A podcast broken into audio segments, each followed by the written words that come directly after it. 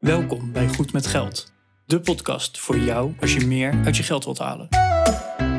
Je financiën op orde of eerder kunnen stoppen met werken? Schuif aan, want hier zijn we goed met geld.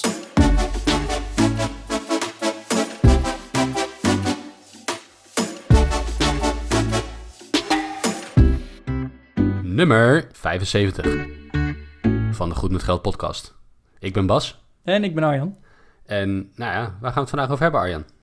Ja, wat even, even, hè, want iedereen die standaard naar onze podcast luistert, die denkt: hey, er is wat anders. Ja, ik, ik ben gewoon alleen maar blij.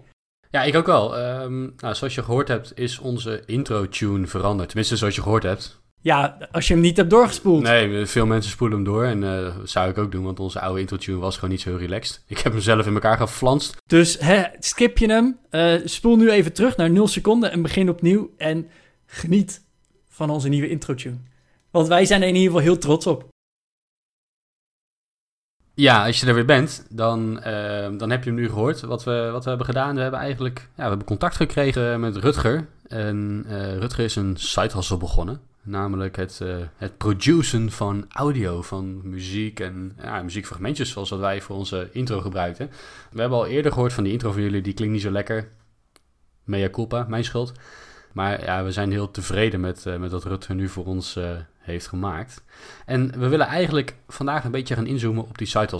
Want nou, Rutger heeft als beroep iets eh, heel anders dan het maken van audio. Maar, maar dit is zijn hobby en, en daar probeert hij een klein beetje geld mee bij te verdienen. Nou, dat lukt hem aardig, denk ik. Hè. We hebben hem betaald voor deze, voor deze intro-tune. Maar, maar dat is gewoon echt ontstaan vanuit een hobby. Hij heeft beroep A en hobby B. En nou, daar, kan je, daar kan je dus soms best wel een procent aan verdienen. Eh, en vandaag willen we eigenlijk gaan kijken naar wat eh, alle aspecten zijn die erbij komen kijken als je met je hobby wat geld gaat verdienen. Want ehm, nou, er komt iets meer bij kijken dan eh, dat je gewoon maar iets gaat doen voor iemand en dat iemand dan jou een paar euro's in je hand duwt. Dus ehm, laten we gaan kijken naar alle bijkomende zaken. Ja, nou, ik, ik ga eerst even een stapje terug, Bas. Want ja, wij hebben onze site hustle ook, hè, onze blog en deze podcast. Maar hoe is dat nou eigenlijk begonnen? Hoe, hoe ben jij ooit begonnen met je blog? Wist je van tevoren al dat je eh, dat als side hustle ging doen? Of was het gewoon een hobby en dan vond je het leuk om, eh, om te schrijven over geld? Nou, het was voornamelijk wel een beetje als hobby, omdat ik het gewoon leuk vond om, om met geldzaken bezig te zijn, met persoonlijke financiën bezig te zijn. En daar inmiddels zoveel over gelezen en wat ervaring mee opgedaan, dat ik dacht van, nou, daar kan ik ook wat over schrijven. Dus mijn blog is echt wel op die manier begonnen. Maar hij is ook wel begonnen met het idee van hier kan ik op termijn wel wat geld aan verdienen. Dus ondanks dat ik dat in het begin niet deed, was het, was het idee er wel om er wat geld mee te gaan verdienen. Om er gewoon wat mee bij te verdienen. Want het, het ging niet mijn fulltime inkomen vervangen. Uh, dat doet het nog steeds niet. Maar ik verdien er wel wat mee bij. En dat is, dat is wel gewoon leuk om te doen. En dat was vanaf het begin wel het idee. Ja, nou, bij mijn blog ook. Hè. Uh, aan de ene kant, ik, ik wilde kennis delen. Hè, want ik, ik had zoveel inderdaad al gelezen en ervaren en noem maar op. Dus ik dacht, ja, nou, dit moet ik gewoon met de rest van Nederland delen. Maar eigenlijk, de hobby die is daarvoor al begonnen met uh, wat doen met crowdfunding. Hoewel ik daar ook wel wat aan wilde verdienen, was dat niet zozeer een side hustle. Nee, dat was gewoon wat investeren. Uh, maar ondertussen was ik ook heel veel uh, boeken aan het lezen en artikelen aan het lezen en verschillende ja, wetgeving en zo. Hè? Hoe zit bijvoorbeeld een faillissement in elkaar of hoe werkt de schuldsanering? Ja, dat vond ik gewoon super interessant om te lezen. Dus ja, ik denk dat mijn hobby zelfs al, uh, al voor mijn blog is begonnen. Maar dat dat uiteindelijk, ja, dat heeft geresulteerd in een blog. En ja, ik had wel een idee van, nou, als ik het een beetje leuk doe, dan uh, is er misschien nog wel een zakcentje uit te halen ook. Dus ik denk dat daar pas het idee inderdaad van een site hustle is begonnen. Hoewel het eerste jaar heb ik geloof ik wel geteld 0 euro verdiend. Dus uh, ja, een, een side hustle beginnen heeft ook niet meteen de garantie dat je er wat aan gaat verdienen. Uh, maar goed, hè, zo kan een side hustle ontstaan uit een, een, een hobby, een passie, een, iets waar je ja, heel handig in bent of heel goed in bent. Uh, zoals uh, Rutger die ons contacteerde van ja, ik ben handig met, met muziek en, en audio. Hoewel dat totaal niet mijn baan is, kan ik er wel wat mee. Dus nou, dat was zijn hobby en passie. En daar heeft hij dus wat meer mee gedaan. Ja, en je ziet dat, dat, dat eigenlijk de meeste side hustles op die manier beginnen. Ik ken eigenlijk niemand ik ken sowieso weinig mensen die een side hustle hebben, maar ik ken sowieso niemand die maar begonnen is met iets heel anders te doen dan zijn werk, waar hij eigenlijk ook niet een passie voor heeft. Ik ken weinig mensen die van beroep computers in elkaar sleutelen. En geen, totaal geen verstand hebben van sporten. En die dan personal trainer als bijbaan zijn geworden. Zo, dat, dat bestaat echt niet. Dus, dus je ziet toch vaak wel dat mensen een bepaalde interesse in iets hebben dat buiten hun werk omgebeurt. En dan denken van hé, ik ben hier zo goed in, misschien kan ik er wel wat geld mee verdienen. Ik ken iemand die op die manier personal training geeft trouwens. Oh, een, ja, die heeft gewoon echt een, een white collar baan, zeg maar. Dus hij had het net, netjes in zijn overhemd en zijn mooie schoenen naar zijn werk. Maar dan toch s s'avonds in het weekend in zijn trainingspak nog even wat mensen helpen om, om fitter te worden. Dus dat is heel tof.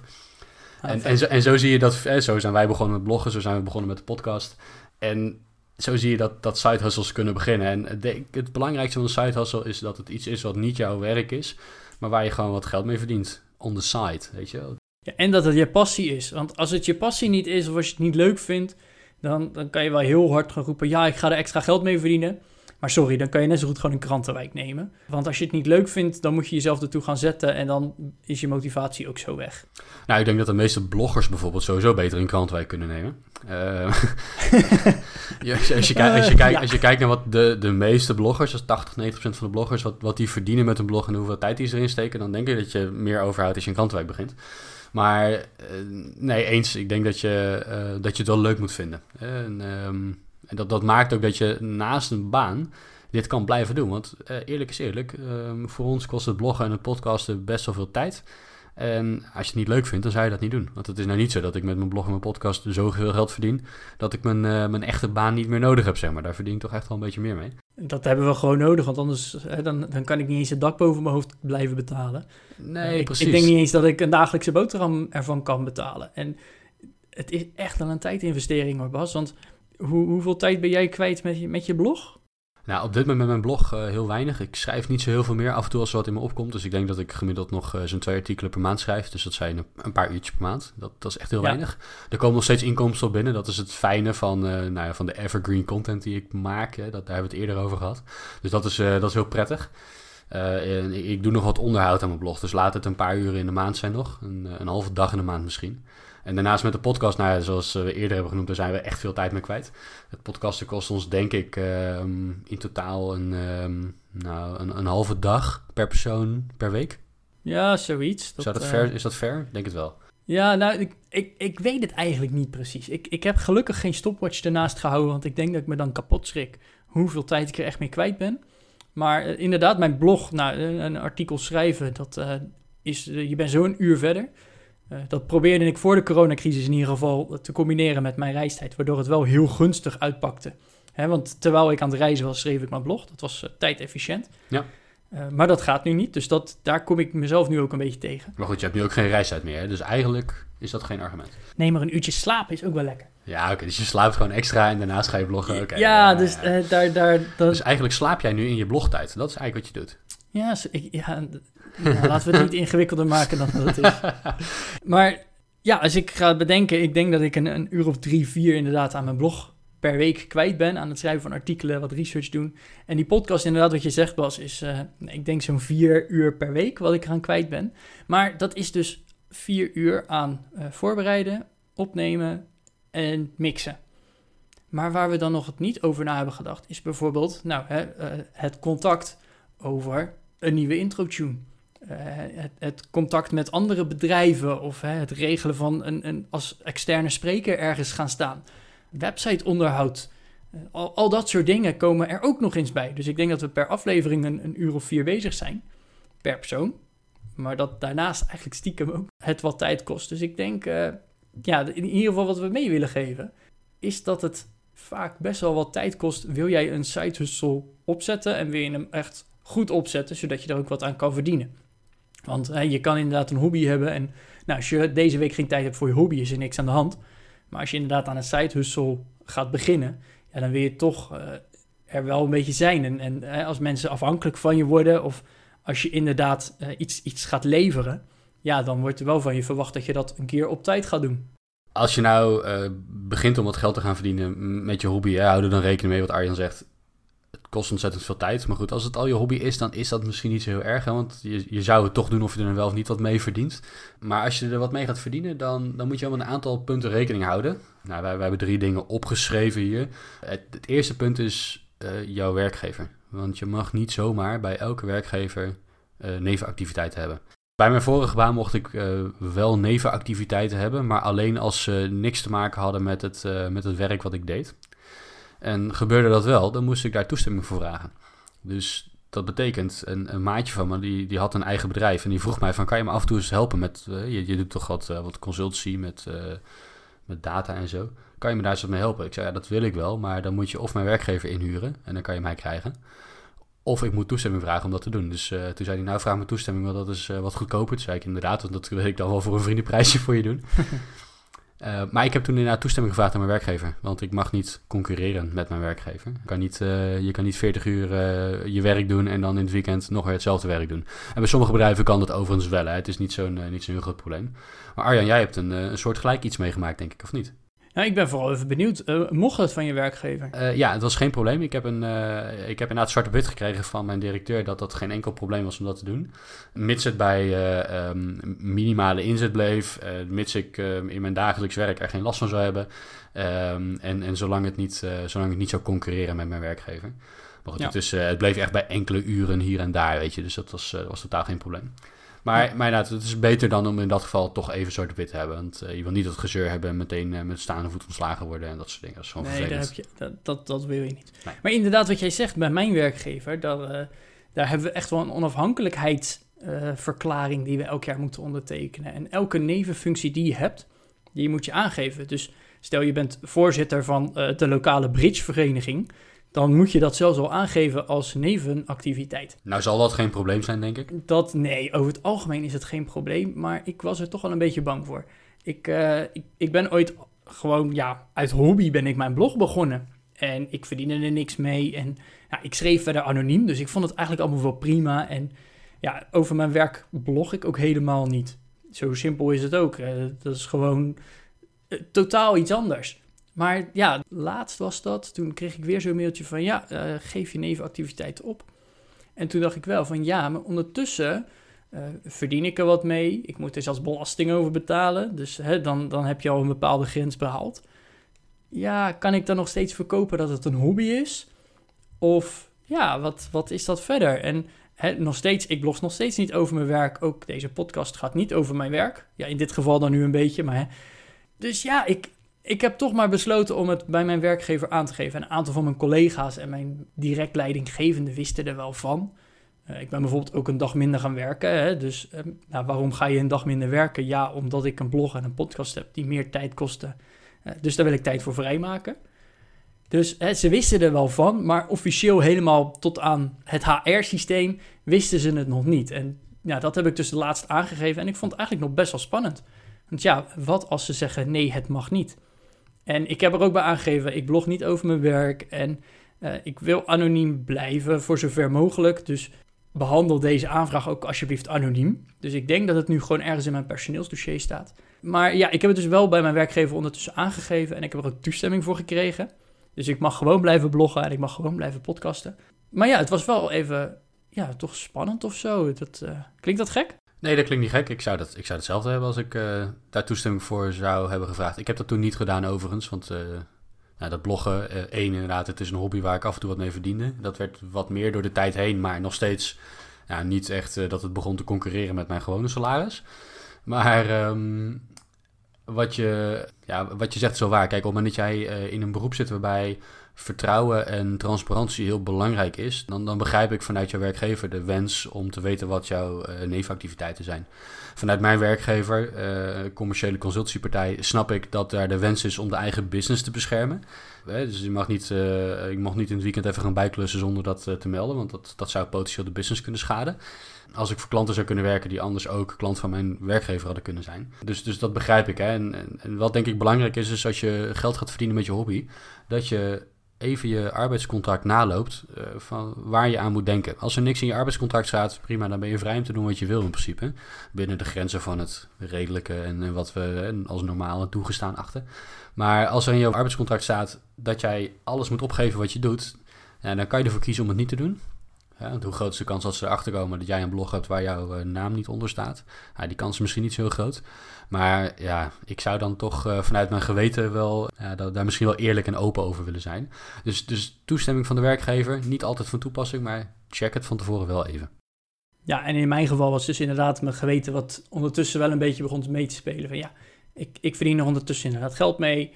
Nou, dat, ik ben er minder voor gaan werken, dus hè, dat, ik kan het allemaal verklaren. Maar omdat er zo expliciet elk jaar om gevraagd wordt, heb ik in dit geval wel uh, die toestemming gevraagd en ook gekregen. En ik weet, een aantal van mijn collega's hebben ook nevenfuncties. En of dat dan inderdaad uh, voorzitterschap, penningmeesterschap of wat dan is bij de lokale vereniging, uh, tot aan gastdocent aan een onderwijsinstelling. er zijn collega's die boeken schrijven, nou, verzin het maar. En over het algemeen wordt er zeker wel toestemming voor gegeven. Maar ja, de werkgever is er wel graag van op de hoogte. Dus dat, dat er om gevraagd wordt, wil niet meteen betekenen dat het niet mag. Maar ja, eh, goed overleg is denk ik hier wel echt heel belangrijk. Oké, nou dat, dat was eigenlijk ons eerste puntje, Bas, hè, die toestemming van de werkgever. Maar goed, dan, uh, dan heb je je side hustle, je hebt de toestemming van je werkgever. En dan uh, ga je wat verdienen of je gaat wat kosten maken. Ja, dan is het belangrijk dat je goed naar je financiën gaat kijken en dat je een administratie gaat bijhouden. En het administreren van je, nou ja, van je side hustle, van je, van je hobby waar je, mee, waar je wat mee verdient, die is niet zo heel spannend. Uh, zo hoef je in de meeste gevallen geen btw te betalen. wat je echter wel moet doen, is inkomstenbelasting betalen over het geld dat jij verdient met je hobby. Kijk, op het moment dat jij een keer wat verkoopt op Marktplaats, iets wat op, op de zolder ligt, dan hoef je dat niet op te geven, hè, want dat is gewoon iets wat je verkocht hebt. Maar ga jij op Marktplaats dingen kopen met het doel ze op te knappen of op te poetsen en weer te verkopen, dan zal je wel daar wat belasting over moeten gaan betalen.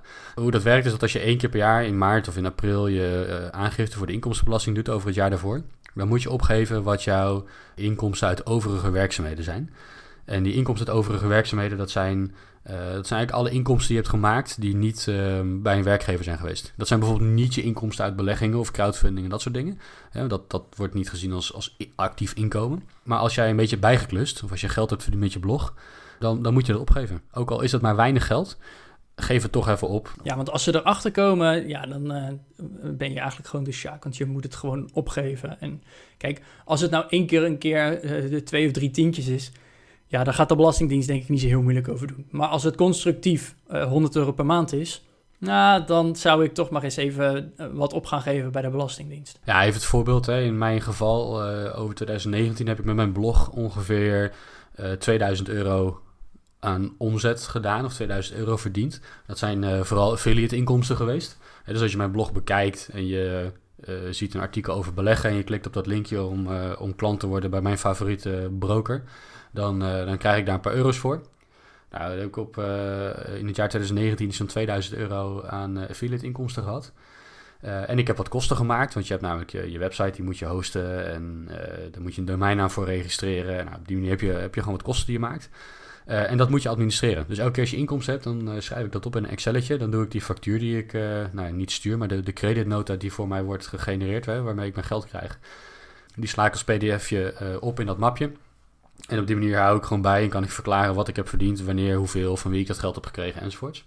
En datzelfde doe ik eigenlijk voor de kosten die ik maak. Hè. Dus de factuur die ik van mijn webhostingpartij krijg, nou, die schrijf ik in het Excelletje op dat ik uh, zoveel euro aan kosten heb gehad. Die factuur, die, uh, dat pdf stop ik ook in dat mapje erbij. Uh, en dan weet je aan het eind van het jaar hoeveel, hoeveel omzet je hebt gehad, hoeveel kosten je hebt gehad en wat dus jouw inkomen uit die overige werkzaamheden is geweest. Nou, laat dat een keer 1800 euro zijn geweest. Dan geven die 1800 euro bij, jou, bij jouw inkomstenbelasting. En dan, dan moet je daar dus wat belasting over betalen. Is dat erg? Nou nee, want je hebt het ook verdiend. Um, kan je ervoor kiezen om het niet op te geven? Ja dat kan. De kans dat je gecontroleerd wordt is misschien niet zo heel groot. Maar ja, ik vind wel, en dat is mijn persoonlijke mening, dat je, dat je gewoon eerlijk daarover moet zijn. En je hebt het immers ook verdiend.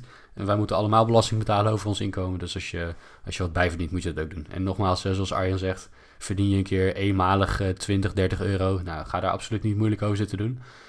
Maar ja, als het constructief is en het is uh, eh, 1000 euro of een paar duizend euro. Ja, ik vind dat je daar maar beter eerlijk over kan zijn. Ja, helemaal eens. Hey, en, en Bas, je geeft aan als je kosten maakt, dan mag je die eraf trekken. Doe dat pas tijdens je belastingaangifte stel, wij verdienen 150 euro met deze podcast, puur hypothetisch. Ja, 150 euro, maar ik heb ook een microfoon gekocht dit jaar. Uh, die was ook 150 euro. Dus effectief is het gewoon nul op de balans. Maar dat moet je allebei opgeven. Dus ga niet bij de Belastingdienst aan aangeven, ja, ik heb 0 euro verdiend. Nee, dan moet je aangeven, ik heb 150 euro verdiend. En hier heb je een factuur van een microfoon. Uh, die microfoon gebruik ik 100% voor uh, deze, deze werkzaamheden is ook 150 euro. In jouw belastingaangifte wordt dat tegen elkaar wegge weggestreept, dus heb je effectief 0 euro.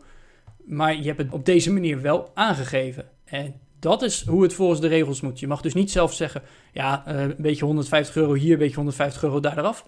Dat is nul, dus ik geef niks op. Nee, allebei gewoon opgeven. Ja, en wat, wat daar ook meespeelt is dat als je, als je die kosten maakt, dan moeten ze echt wel aantoonbaar zijn voor jou side hustle voor jouw bijbaan op dat moment.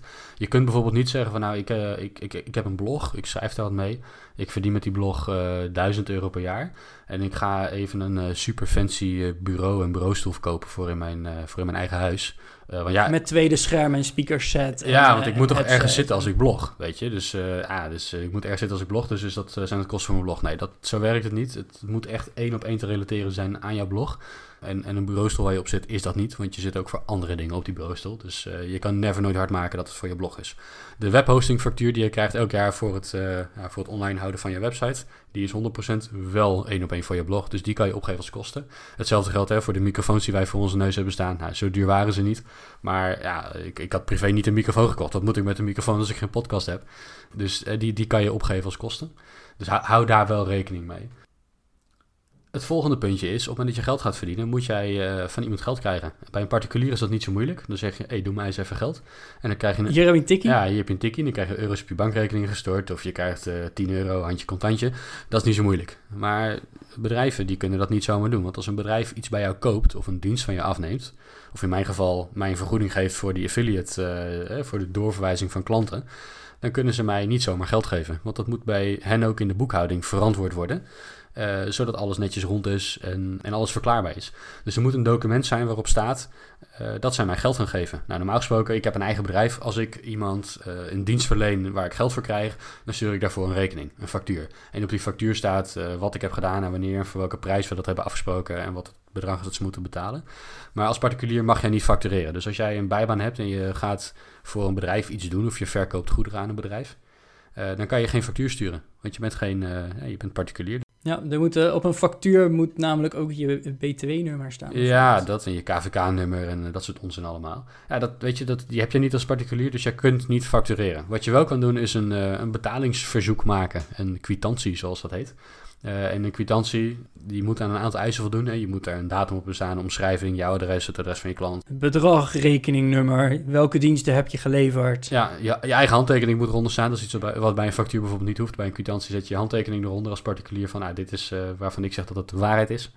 Die stuur jij aan het, uh, aan het, aan het bedrijf, aan jouw klant. Uh, en zij kunnen die kwitantie vervolgens boeken als inkoopfactuur. Dus dan zit die in hun administratie, uh, wordt die netjes verwerkt. Kunnen ze jou ook vervolgens dat geld overmaken en daar helemaal open en eerlijk over zijn. Uh, en die kwitantie die moet jij vervolgens bewaren als bewijs van jouw inkomen. Dus mocht je een keer een controle krijgen voor de inkomstenbelasting, dan kan je aangeven: kijk, dit zijn mijn kwitanties die ik heb verstuurd in dat jaar. Ik heb opgegeven, hè, dat is samen 1000 euro. Ik heb opgegeven dat ik 1000 euro heb verdiend. Dan klopt die weer. Um, dus hou daar rekening mee. Eén, uh, je administratie moet op orde zijn. Dat betekent dat je moet opschrijven wat je uitgeeft aan, je, uh, nou, aan je site hustle en wat je ermee verdient. Uh, en dat moet je vervolgens opgeven bij de Belastingdienst als je je belastingaangifte doet over het voorgaande jaar.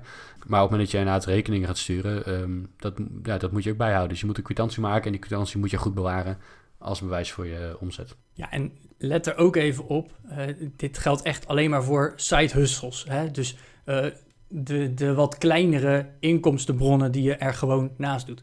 Ga je eenmaal echt duizenden euro's per jaar erbij verdienen dan wordt het misschien zelfs nog wel aantrekkelijk om inderdaad een KVK-inschrijving en een B2-nummer aan te vragen. Want dan uh, kan je ook weer gebruik maken van verschillende belastingvoordelen. Maar dan ga je het echt professioneel op, opzetten. En dan is het dus niet meer jouw side hustle waar je nou, een paar honderd euro per maand mee verdient. Nee, dan heb je het echt over duizenden euro's. Dus hè, als jouw site hustle te groot wordt, denk er dan misschien ook wel eens over na. Van nou, misschien moet ik inderdaad wel me inschrijven bij de Kamer van Koophandel. En inderdaad dat BTW-nummer aanvragen. Nou, het is niet helemaal zo vrijwillig zoals je het nu schetst. In, in, sommige gevallen kan het inderdaad voordeliger zijn om als ondernemer te boek te staan. Er zijn er twee versies van. Je kan ondernemer voor de BTW zijn en ondernemer voor de inkomstenbelasting. Ondernemer voor de BTW, dat ben je redelijk snel al, moet ik zeggen. En ondernemer voor de inkomstenbelasting, dat ben je wat, wat minder gauw. Op het moment dat jij door de Belastingdienst als ondernemer voor de inkomstenbelasting wordt gezien, dat is eigenlijk, ja, ik, ik, ben geen jurist, ik heb er niet heel veel verstand van belastingrecht. Maar volgens mij is dat effectief hetzelfde als je hebt een eenmanszaak. Dat, dat wordt gezien als je bent ondernemer voor de inkomstenbelasting. En dan heb je dus inderdaad ook recht op allerlei belastingvoordelen voor kleine ondernemers. Um, ondernemer voor de B2 ben je al wat eerder. Dat heeft met name te maken met hoeveel handel je doet en wat voor type handel dat is en dat soort zaken. Check even de websites van de Belastingdienst en de KVK daarvoor. Die kunnen jou precies vertellen. ik, ik weet de precieze eisen ook niet, maar er zitten wat, uh, wat vragenlijstjes in die jou kunnen aangeven of jij wel of geen ondernemer voor de B2 of de inkomstenbelasting bent.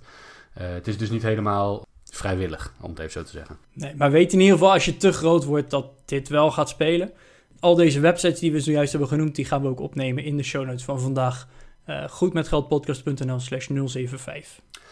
En het volgende onderdeel, uh, nou, we hebben het al even over de belastingen gehad natuurlijk. We hadden hem als los puntje op, uh, op onze gespreksonderwerpenlijstje staan. Want zo goed bereiden wij onze aflevering altijd voor. Maar ja, je krijgt in sommige gevallen te maken met zaken als BTW. Ik ben in mijn gewone werk ben ik, uh, ben ik ondernemer voor de inkomstenbelasting. Ik heb een eenmanszaak, ik ben BTW-plichtig ook. Uh, dat betekent dat als ik een rekening stuur, dat dat een rekening um, is in eerste instantie zonder BTW. En op het eind van de rekening, op het einde van de factuur komt er nog een BTW-bedrag bovenop. En dat is wat mijn klant mij betaalt. Maar dat bedrag van B2, dat is niet voor mij, want dat moet ik eigenlijk lineair weer doorgeven aan de Belastingdienst. Nou ja, één keer per kwartaal, maar dat is niet mijn geld. Aan de andere kant, als ik kosten maak, zoals die webhosting of zoals Ehm, de kosten voor eh, een dienst die ik inkoop of als ik goederen nodig heb voor mijn zaak, dan koop ik die ook zonder BTW. dus als BTW-plichtig ondernemer doet BTW er eigenlijk niet toe. Want alles wat je betaalt krijg je terug, alles wat je ontvangt moet je weer afgeven. Dus de BTW is eigenlijk een non-issue. Je bent gewoon een doorgeefluik voor de BTW. Zolang het maar 100% zakelijk is, Bas? Zolang het 100% zakelijk is. En, en op het moment dat jij, ehm, als jij privé wat gaat bijverdienen, dan, dan heb je niks met BTW te maken, want je bent geen, uh, geen zakelijke entiteit. Dus op het moment dat jij omzet maakt, dan uh, mag je geen BTW factureren. Je factureert zonder BTW. En als je kosten maakt, dan voer je die kosten volledig op als kosten, uh, inclusief de BTW die je betaalt. Dus je kan niet zeggen, ik trek de BTW ervan af en de rest voer ik als kosten op. Nee, het bedrag inclusief BTW voer je als kosten op. Dat, dat wilde ik nog even zeggen. Uh, en verder hebben we denk ik het onderwerp belastingen al best wel behandeld. Ja, dat denk ik ook. Ja, ik, ik denk dat we eigenlijk gewoon het hele side hustle onderwerp behoorlijk hebben behandeld in deze aflevering. Hè? Weet dat het gewoon veel tijd kost. Het is anders dan een hobby. Hoewel het, het is misschien een uit hand gelopen hobby, maar hè, weet dat, het, dat er ook bepaalde verplichtingen bij komen. Dat het stress op kan leveren. Dat je hè, een bepaalde tijd uh, eraan kwijt gaat zijn. Dat het misschien wel risico's met zich mee gaat brengen. En ik zit gewoon even out of the blue te bedenken van nou, wat voor sites kan je dan nog meer bedenken? Nou, ik weet bijvoorbeeld, uh, wat je vaak ziet, is dat uh, automonteurs, die werken dan 40 uur voor de baas. Maar goed, die kunnen in hun vrije tijd kunnen ze ook prima auto's maken. En die vinden dat vaak ook leuk. Dus nou, wat, wat ik wel eens heb gehoord, is dat uh, een automonteur, die mocht dan uh, buiten de baasse tijd, mocht hij wel gebruik maken van de garage. Uh, en dan mocht hij gewoon voor zichzelf een auto op gaan knappen of voor andere auto op gaan knappen. En hè, dat, dat mocht hij dan ook gewoon zelf wat aan verdienen. Zolang het maar buiten de baasse tijd was. En alle gereedschappen en zo mochten wel gebruikt worden. Nou, dat is een goede regeling. Ja, dat vond ik eigenlijk ook. Dus hè, dan, dan ben je automonteur en dan werk je 40 uur voor de baas. Uh, en daarnaast doe je nog uh, bijvoorbeeld, nou weet ik het, op de zaterdag uh, vier of vijf uur voor jezelf. Wow. Dat is toch een, een leuke bijverdienste. Want ja, een, een brug zelf even aanschaffen en ik weet niet eens waar je hem zou moeten plaatsen. Maar ja, ik denk niet dat je dat zomaar even privé kan doen, terwijl die baas hebt hem toch staan ja, als die op zaterdag niet gebruikt wordt, dan kan die hem net zo goed gewoon uitlenen eigenlijk aan zijn eigen personeel. Ja, behalve misschien wat extra afschrijving, slijtage, dat soort dingen. Maar ja, inderdaad, als je hem verder toch niet gebruikt en er verder geen extra schade ontstaat door het extra gebruik, dan ja, waarom niet? Ja, dus hè, en, en hè, bijvoorbeeld ook misschien wel voor kappers. Ik noem maar even wat, dat je, dat je in je eigen tijd neem je alsnog je eigen knipschaar mee en, en ga je bij mensen thuis knippen. Ik weet niet, maar nou, dat kunnen ook al side zijn. Dus ja, misschien heb je wel interesse in een side hustle. Denk er eens over na. Vind je het leuk? Vind je het de tijd waard? Vind je het de inkomsten wel waard? Of ga je gewoon liever andere leuke dingen doen? Hè? Want eh, het, het levert wat op en het kost je wat tijd. Maar voor hetzelfde geld wil je je tijd liever anders besteden. Nou, weet in ieder geval dat er meer bij komt kijken dan uh, alleen even een blogje schrijven of alleen even die auto maken. Nee, er, er zit ook een stukje financiën en belasting. En uh, de werkgever heeft er ook nog eens de inspraak over. Dus er komt veel meer bij kijken. De aanleiding was in ieder geval Rutger, die ons een mailtje stuurde van... hey, dit is niet mijn baan. Dit is een, een potentiële side hustle. Ik wil jullie helpen met een nieuwe intro-tune. Nou, daar zijn we Rutger heel dankbaar voor. Rutger die heeft een naam bedacht voor zijn eigen side hustle. Dat is Click Audio.